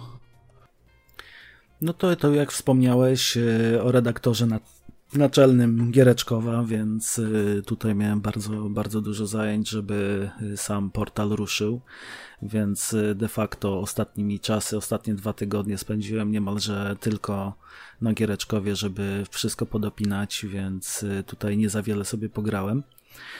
Też nie za wiele czasu miałem na jakieś inne aktywności, natomiast myślę, że tutaj opłacił, opłacił się ten czas i że będzie, będzie to ciekawe, ciekawe doświadczenie dla wszystkich, którzy wejdą na Giereczkowo. A co ty porabiałeś, powiedz? Ja ostatnio z takich e, ciekawych rzeczy to mogę się pochwalić tym, że od dłuższego czasu e, gram w Dungeons and Dragons 5 edycję jako gracz. Ja zasadniczo, jeżeli chodzi o RPG, to jestem z reguły po tej drugiej stronie, jestem mistrzem gry, prowadzę Warhammera, troszeczkę tam liznąłem Cthulhu. No głównie, głównie Warhammer jest e, od długich, długich lat w moim serduszku. To jest świat, który gdzieś tam sobie ukochałem, zarówno ten fantazy, jak i 40. No ale od właśnie tego, no ponad pół roku gram jako gracz w D&D, mam postać Elfa Rangera, jestem takim e, odpowiednikiem Legolasa, tylko troszeczkę głupszym. Mój elf niestety inteligencją nie grzeszy. E, no i staram się, od, starałem się na początku bardzo mocno odnaleźć w, w, w roli gracza. I było, powiem ci szczerze, dla mnie na początku dość mocno trudne, jeżeli e, chodzi o takie doświadczenie, wiesz, e, nie miałem kontroli nad tym, co się dzieje, musiałem się dostosowywać. I w pewnym momencie stwierdziłem, że będę takim graczem, jakiego sam bym chciał mieć u siebie na sesji, nie? No i stwierdziłem, że będę dość mocno odgrywał tego mojego elfa e, po tych statystykach, które gdzieś tam sobie wylosowałem, no i on jest taki troszeczkę głupiutki, ale ma takie dobre serduszko, zawsze tam rwie się do pomocy, jest mega zajebisty, jeżeli chodzi o strzelanie z łuku, tam na czteroosobowej drużynie to DPS robię ja i jeżeli ja nie zabiję, to, to najprawdopodobniej nie zabije nikt. E, tak się akurat złożyło. No ale jeżeli chodzi o kwestie gadane jakieś e, rozwiązywanie spraw e, za pomocą werbalną i, i przekonywanie ludzi, prowadzenie śledztwa, dopatrywanie się jakichś detali, to jestem tutaj noga totalna. No i mistrzyni, która prowadzi naszą, nasze sesje, popełniła jeden błąd, postanowiła, że znajdziemy losowy lód e, z jednego z przeciwników. No i rzucaliśmy kostkami, co wypadnie. No i wypadła mi wypchana koza oraz strój kapłana. Oraz strój kapłana. No i nie mogło się to skończyć inaczej, jak tym, że w sytuacjach, w których nie walczymy, chodzę w tych szatach liturgicznych z wypchaną kozą pod pachą, która ma na imię Greta. E, po kilkunastu sesjach dorobiła się e, oczu z bursztynu i magicznej, świecącej kropki z księżycowego kamienia na czole. I ja sobie z tą Gretą rozmawiam, wyprowadzam ją i ona jest taką moją przyjaciółką I, i to, kurczę, to strasznie daleko zabrnęło i ona tak do tej pory żałuje tego. Tak jak się, tak jak się ciebie słucha, to widać, że naprawdę wciągnąłeś się w postać i tutaj... Tak, tak. Myślę, że, że odgrywanie przez ciebie postaci będzie naprawdę, naprawdę sympatyczne. My, chciałbym wziąć udział w takiej sesji, po prostu popatrzeć gdzieś z boku jako wolny słuchacz, po prostu to na, na pewno musi być e, dość, dość przyjemne. Ja zawsze w D&D jak grałem, to yy, starałem się tworzyć e, też również mało inteligentne postacie, natomiast zawsze to był jakiś barbarzyńca, wiel, wielki tłuk, ale za to z wielkimi umiejętnościami gotowania i to było takie zawsze też zabawne, jak mistrz gry opisywał, że mamy coś ugotować, to zawsze moja postać się gdzieś tam wyrywała, opisywała każdy szczegół przygotowania posiłku i bardzo właśnie właśnie mieliśmy dużo śmiechu z tego, jak to się prowadziło. Też miło wspominam właśnie DND. Tak, ale właśnie, y, chciałem się właśnie podzielić tymi wrażeniami od tej strony y, samej mechaniki, samego Dungeons and Dragons, że kurczę, y, to jest mechanika i świat, który ja tak strasznie słabo kupuję, nie? Ja się teraz tam wczułem i, i, i, odgrywam to i świetnie się w tym bawię, ale tak w zestawieniu z takim Warhammerem, który jest taki, wiesz, brutalnie średniowieczny, mroczny i taki, wiesz, mocno europejski, gdzie tam, wiesz, tam bohaterów nie ma, tam wszyscy są kmiotami, każdy zaczyna jako tam, wiesz, tam y, kowal, sklepikarz, jakiś tam y, najemnik i tak dalej, tam nie ma żadnych, wiesz, że od razu jesteś bohaterem, nie? Tylko wszyscy zaczynają z takiego, wiesz, y, kmiota i gdzieś tam tam jakieś wydarzenia powodują, że e, sięgają do heroicznych czynów, że tam walczą z tym chaosem, e, czy tam z tymi zwierzoludźmi, czy tam to, sobie tam mistrz gry wymyśli, tak? E, to jednak w tym D&D wszystko jest takie patetyczne. To widać, że to wymyślili Amerykanie, tam na każdym kroku jest drużyna w śniących zbrojach bohaterów, tam wszyscy, wiesz, walczą albo ze złem, albo po stronie zła, wszystko jest takie patetyczne, wszystko musi być, wiesz, wszystko się musi zakończyć walką oczywiście, znaczy, nie musi, ale z reguły się kończy walką, bo o to przecież chodzi, bo w końcu to lochy i smoki, tak? E, zawsze gdzieś tam jest właśnie ten element tego smoka, który gdzieś tam sobie krąży po tym świecie. Wszystko jest takie dość mocno właśnie baldurowe, że jednak nacisk jest na to, że ty jesteś tą drużyną bohaterów, że jednak wszystko się kręci wokół tego, że ty musisz uratować ten świat i tak jest twój główny cel, a ja znowu y, bardziej sobie ukuchałem te klimaty warhammerowe, że y, od zera do bohatera i tak naprawdę niekoniecznie zawsze do bohatera, że tak naprawdę każdy gracz u mnie y, to ma jakieś swoje cele i motywacje, które ciągnie, stara się ciągnąć całą drużynę, wszystkich tych swoich przyjaciół bądź nieprzyjaciół, to, towarzyszy bardziej, tak? W swoją stronę, każdy ma jakieś swoje argumenty, każdy walczy po swojemu, nie zawsze robią dobrze i tak dalej, to jednak ten D&D jest bardziej taki nacisk, że, że jednak musisz być tym herosem, nie? Że to jest podkreślane bardzo często i D&D, jak weźmiemy pod uwagę jego korzenie, on bardziej tutaj e, szedł zawsze w stronę Tolkiena, Silmarillionu i tych historii właśnie z e, Tolkienowskich, więc tam zawsze była drużyna, drużyna bohaterów, którzy byli heroiczni, zawsze był, tak sam jak sam wspomniałeś, ala Legolas, każdy chciał właśnie grać takim Legolasem, chciał być takim jakimś e, krasnoludem, czy bohaterem, który przyszedł, wyrąbał smoka, uratował księżniczkę i był po prostu sławny i wielbojony przez wszystkich. A Warhammer ma jednak troszeczkę inne, inne podejście. To było takie. Nie, takie nie jest bardziej brudny, mroczny Za wiele, świat, natomiast nie? jest brudne, brutalne. Mhm. No także tutaj myślę, że to, to miłego, wynika właśnie, właśnie z bardziej z korzeni tego, czym jest D&D i skąd się wywodzi. Jasne, ja nie, no pewnie. Graliśmy w ten sposób, że to było podszywane historiami właśnie czy związanymi z Silmarillionem, czy właśnie y, gdzieś tam z hobbitami. Również wprowadzaliśmy sobie dodatkowe postacie zawsze do D&D, czy hobbitów, czy jakichś tam niziołków i rozwijaliśmy to bardziej w historie właśnie tolkienowskie. I wtedy jest bardzo, bardzo przyjemnie, jak ktoś właśnie w tym siedzi. No właśnie, więc no tutaj wszystko zależy od tego, co lubicie. No, oba systemy są fajne, oba systemy są porządne, także mogę polecić. Myślę, że będę chciał w najbliższym czasie e, jakiegoś jednoszczała poprowadzić z D&D, także może będzie szansa, żeby może coś na Discordzie kiedyś zagramy. Jakby się znalazła jakaś chętna drużyna bohaterów, to można byłoby poprowadzić takie D&D online'owo. E, także no ja, ja osobiście... Ja, tak. Ja osobiście polecam, e, żeby się zapoznać, nawet jeżeli właśnie jesteście tymi zagorzałymi, zagorzałymi fanami Warhammera, to spróbujcie w to D&D. E, też jest fajnie, też jest spoko. No tak jak mówię, mi na początku ten patetyzm tego wszystkiego i, i, i cały czas ta nacisk na walkę ze złem i ratowanie świata trochę dokuczał, no ale gdzieś tam się odnalazłem w tym, e, gdzieś tam sobie umiejscowiłem w tym wszystkim tego mojego bohatera, który tak śmiało i radośnie leci ratować ten świat, tak taką y, troszeczkę ignorancją i głupotką na, na, w tle, no ale stara się robić dobrze, także myślę, że, że jak, jakoś to wychodzi. No.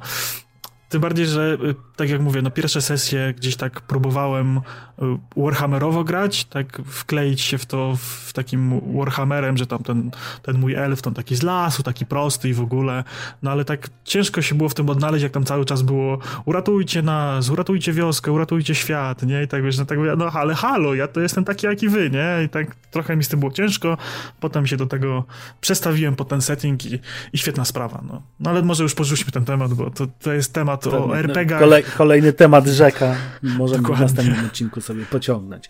No, no to tutaj ja wspomnę jeszcze może o serialach, y, bo ostatnio znalazłem chwilę właśnie czasu na odświeżenie sobie seriali i y, wyszedł niedawno na HBO Go nowy sezon Westworld. Serialu, który się w pierwszym sezonie wciągnąłem całkowicie.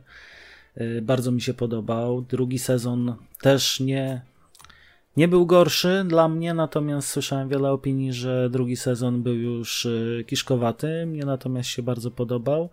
Y, z trzecim sezonem mam ten problem, że moim zdaniem jest za duża przerwa y, po prostu w wydaniu tego sezonu, bo jest bardzo dużo nawiązań do pierwszego.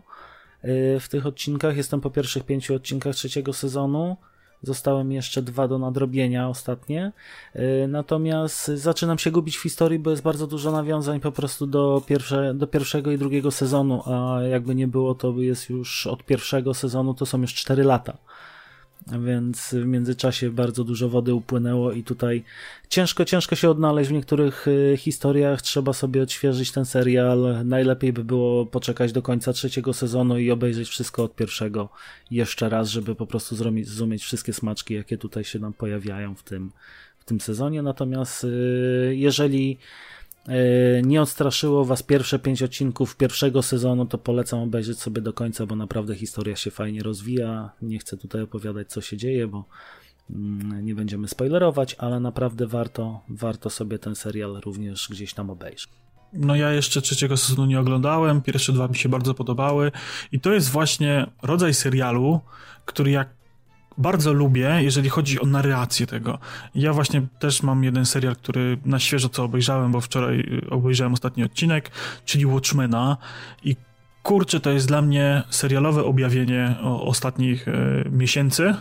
to jest chyba jeden z lepszych seriali, jakie ostatnio oglądałem, z racji tego, że ja bardzo lubię tą e, narrację, że dzieje się nam kilka wątków równolegle e, i tak naprawdę przez długo, długo nie wiadomo, że za przeproszeniem o chuj tam chodzi, tylko musimy sobie gdzieś tam ze szczępków składać właśnie, e, łączyć wątki, co się kiedy dzieje, czy coś było przed, czy po, czy może w tym samym czasie, a co to jest za postać, tam wiesz, nic nie jest nam wytłumaczone, tak jak właśnie w Westworldzie w tym pierwszym sezonie, że tak naprawdę do pewnego momentu, do, do, jakiegoś konkretnego wydarzenia, ty tak naprawdę nie masz zielonego pojęcia o co chodzi w tym świecie, jak to działa i tak dalej, tylko jesteś takim biernym obserwatorem, zbierasz sobie szczępki informacji, potem nagle dostajesz taką, wiesz, yy, sznurek i połącz kropki sobie, nie?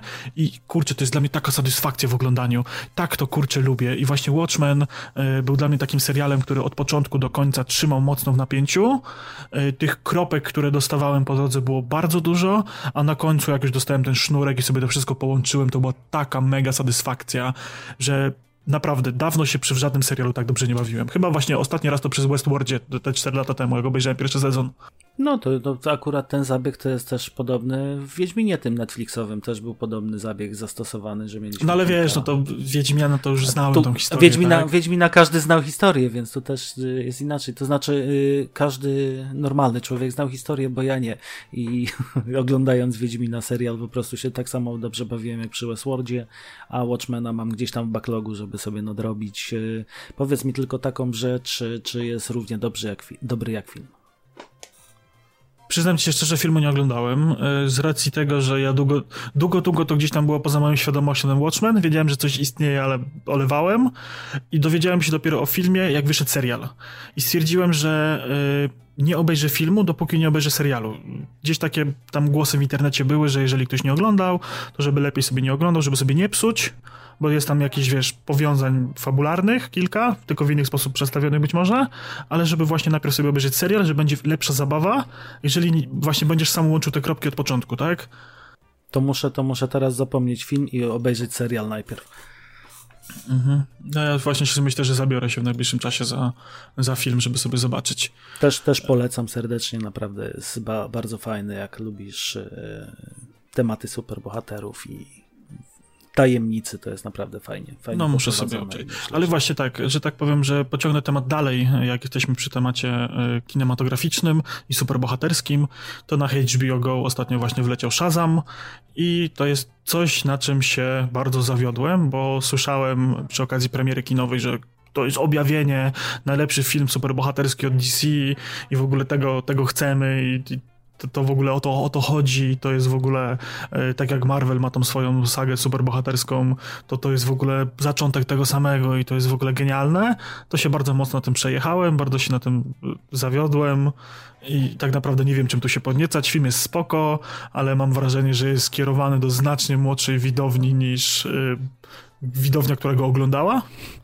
bo myślę, że właśnie głównie poszli na to ludzie w naszym wieku, a, a film jest skierowany do, do, do dzieci tak naprawdę i ma wiele żenujących scen i jakichś takich no historia jest spoko, film jest poprawnie nakręcony, ale ogólnie mi się nie podobało.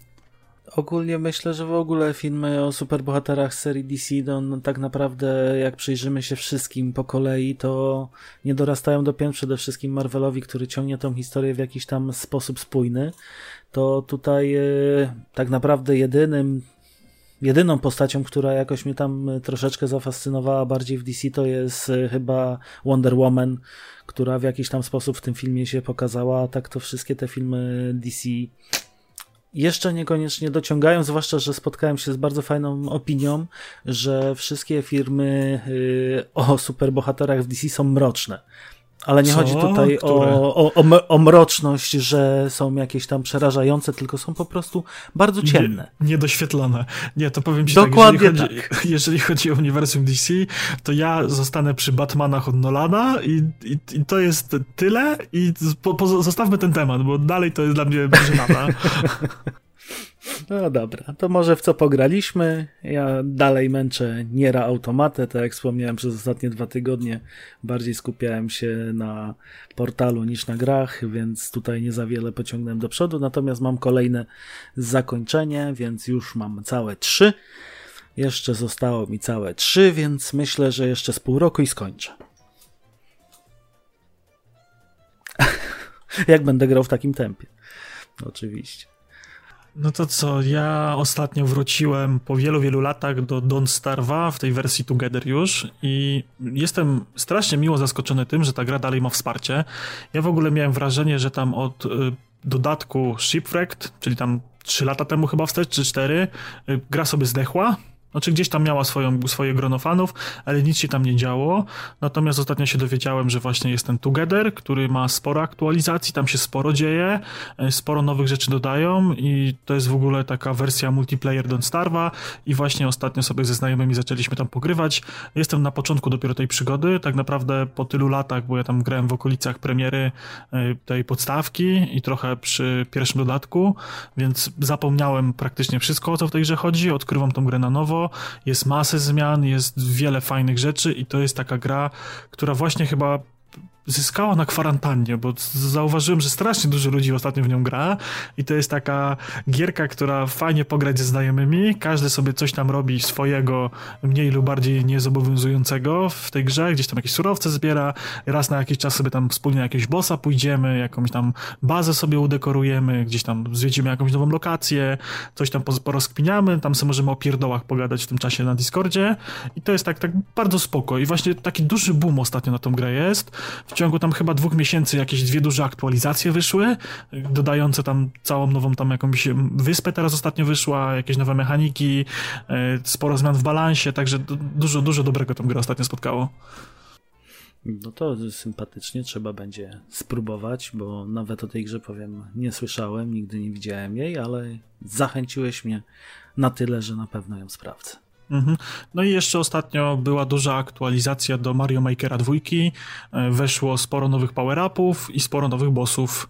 Także tak jak y, tam jakiś czas temu dostaliśmy mieczek od Zeldy i tam y, kilka nowych bloków, nowych przeciwników, to teraz dostaliśmy wszystkie te y, dzieci Bowsera, tam, tam chyba cztery bossy w różnych wariantach całkiem spoko, no, każdy ma tam swoją mechanikę, w różnych stylach nam inaczej trochę działa, do tego dostaliśmy masę nowych power-upów, które dziwiło mnie na premierze, że tego nie było, bo nie było tego żołędzia zmieniającego tam e, Mariana w wiewiórkę, e, to nie było tam kilku, właśnie kilku innych jeszcze właśnie power-upów, które gdzieś tam występowały w tych grach. Dodali kilka nowych tam w postaci, że możemy się zmienić w tego, w ten pocisk, czy tam w blok ze śmigłem, czy w blok ten pown, tak, który tam zabija innych przeciwników przy uderzeniu. Także sporo nowych e, możliwości do gry dzięki temu dodali. Plus y, zrobili coś, y, co spowodowało, że siedzę znowu nad planszami. Mianowicie brakowało mi tego na początku. Ja zawsze sobie marzyłem, że zrobię sobie serię mapek, w różnych wariantach, bo tam wiesz, możemy sobie zmieniać raz, że styl gry, to tam jeszcze każdy styl gry ma tam wersję wodną, pustynną i tak dalej, nie? E, I zawsze mi się marzyło, że zrobię sobie taką właśnie cały, tak jakby długi level podzielony na różne światy, nie? Że będziesz miał tam świat jeden wodny, świat drugi pustynny, świat trzeci mroźny, że sobie zrobię takie spójne, spójną całą przygodę, tylko wcześniej mogłem sobie to zrealizować tylko tak jakby w obrębie mnie, a inni gracze y, losowo by tych leveli w tej kolejności nie znaleźli, co ja bym chciał. No i teraz zrobili taki Mario World, czyli mamy taką wysepkę i tam sobie możemy rozstawiać te plansze po kolei, jak sobie y, zrobiliśmy, no i gracze, którzy sobie odpalą ten nasz świat, będą przechodzili te mapki w takiej kolejności, jak my sobie je przygotowaliśmy, tak? I to może być tam rozwijanie jakiegoś konkret, konkretnego pomysłu przez kilka leveli, tak? Czy zmienianie mechanik. No mega fajnie, tego mi brakowało i to spowodowało, że teraz dużo siedzę znowu przy, przy projektowaniu tych map i może za jakiś czas się podzielę z wami jakimś e, kodzikiem do, do przejścia tych moich wypocin. Może, takie było, może taki był właśnie zamysł e, Nintendo, żeby nie dać wszystkiego na samym początku, bo byś się znudził już grą, a tak to widzisz, powracasz do robienia e, nowych leveli, powracasz do tej gry, więc może to jest jakiś celowy zabieg. No, powiem ci, że naprawdę jak w, y, na grę, która zaraz będzie miała rok, to dostała strasznie dużo aktualizacji, które wniosły nowych elementów i ona sama z siebie mam bardzo dużo mechanik i takich smaczków, niuansów, które gdzieś tam, gdzieś kiedyś y, na jakimś podcaście to właśnie mówiłem, że tam jest masę rzeczy, które, która społeczność robi, tam od jakichś generatorów RNG do, do jakichś całych mechanik, y, leveli tematycznych, tego jest strasznie dużo. No i za każdym razem, gdzie tam dochodzi kilka nowych bloków, to dochodzi setki nowych możliwości z tym związanych, więc łączenie bloków, kombinacji, całych, wiesz, mechanik do leveli, no kupa tego jest i, i to jest mega świetne moim zdaniem. No to chyba będziemy powoli kończyć. Mhm, no ja tutaj z fotela, z fotela redaktora naczelnego jeszcze raz zaproszę wszystkich słuchaczy na giereczkowo.pl. Możecie poczytać newsy, możecie poczytać recenzje gier, recenzje sprzętów. Mamy również podcasty, mamy również wideo, więc możemy, możecie znaleźć tutaj dużo, dużo ciekawego kontentu. I również zapraszamy na naszego Discorda. E, że tyle, jeszcze, jeszcze, jeszcze Twitterki nasze, bo y, zarówno my mamy swoje, ja jestem pod Waderio przez dwa na końcu, Pimol jest pod Pimol87, y, no i Giereczkowo też ma swojego Twittera, zapraszamy na Giereczkowo Pyly. Y, no coś tam się dzieje. Giereczkowo na razie się, Pyly na razie się rozwija, ale będzie, będzie coraz więcej. Tak, ku przypomnieniu jest również Facebook podcastowy, gdzie tam rzucamy info o odcinkach, czasami ja tam e, podam dalej jakieś moje zdjęcia z Instagrama, też tam widziałem, że Pimo coś tam rzucałeś instagramowego, czy innego zdjęciowego. No nie instagramowego, tylko facebookowego akurat, ale zdjęciowego również y, wycieczkę sobotnią po prostu, bo już nie da się wysiedzieć czasem w domu. Jak otworzyli lasy, to trzeba było z tego skorzystać. Oczywiście z pełnymi zabezpieczeniami, ale skorzystaliśmy z tej wycieczki. Po prostu żona siedzi od półtora miesiąca w domu, więc była potrzebna taka wycieczka na, na zewnątrz. Natomiast y, starajmy się oczywiście póki co jeszcze jak najwięcej spędzać czasu w domu Y, nie spotykać się z znajomymi i rodziną, no bo szkoda, szkoda naszego zdrowia. Y, I tutaj jeszcze przypomnę, jeżeli dobrze Wam się nas słucha, chcielibyście, żebyśmy się pojawiali częściej, to przypomnimy o naszym PayPalu. Zawsze można nam tam grosika jak sławetnemu Wiedźminowi rzucić do sakiewki, więc y, będzie to wykorzystane na pewno w celach tutaj naszej naszego wzrostu, naszego pojawiania się częściej w internetach. I jeszcze raz zapraszamy na Giereczkowo, zapraszamy na Facebooka i Twitterki i oczywiście wpadajcie do nas na Discorda, można z nami podyskutować, można z nami się zaprzyjaźnić, można nas poznać troszeczkę też bardziej niż przez sam podcast. Dokładnie tak, także trzymajcie się, do zobaczenia, do usłyszenia. Cześć. Game over.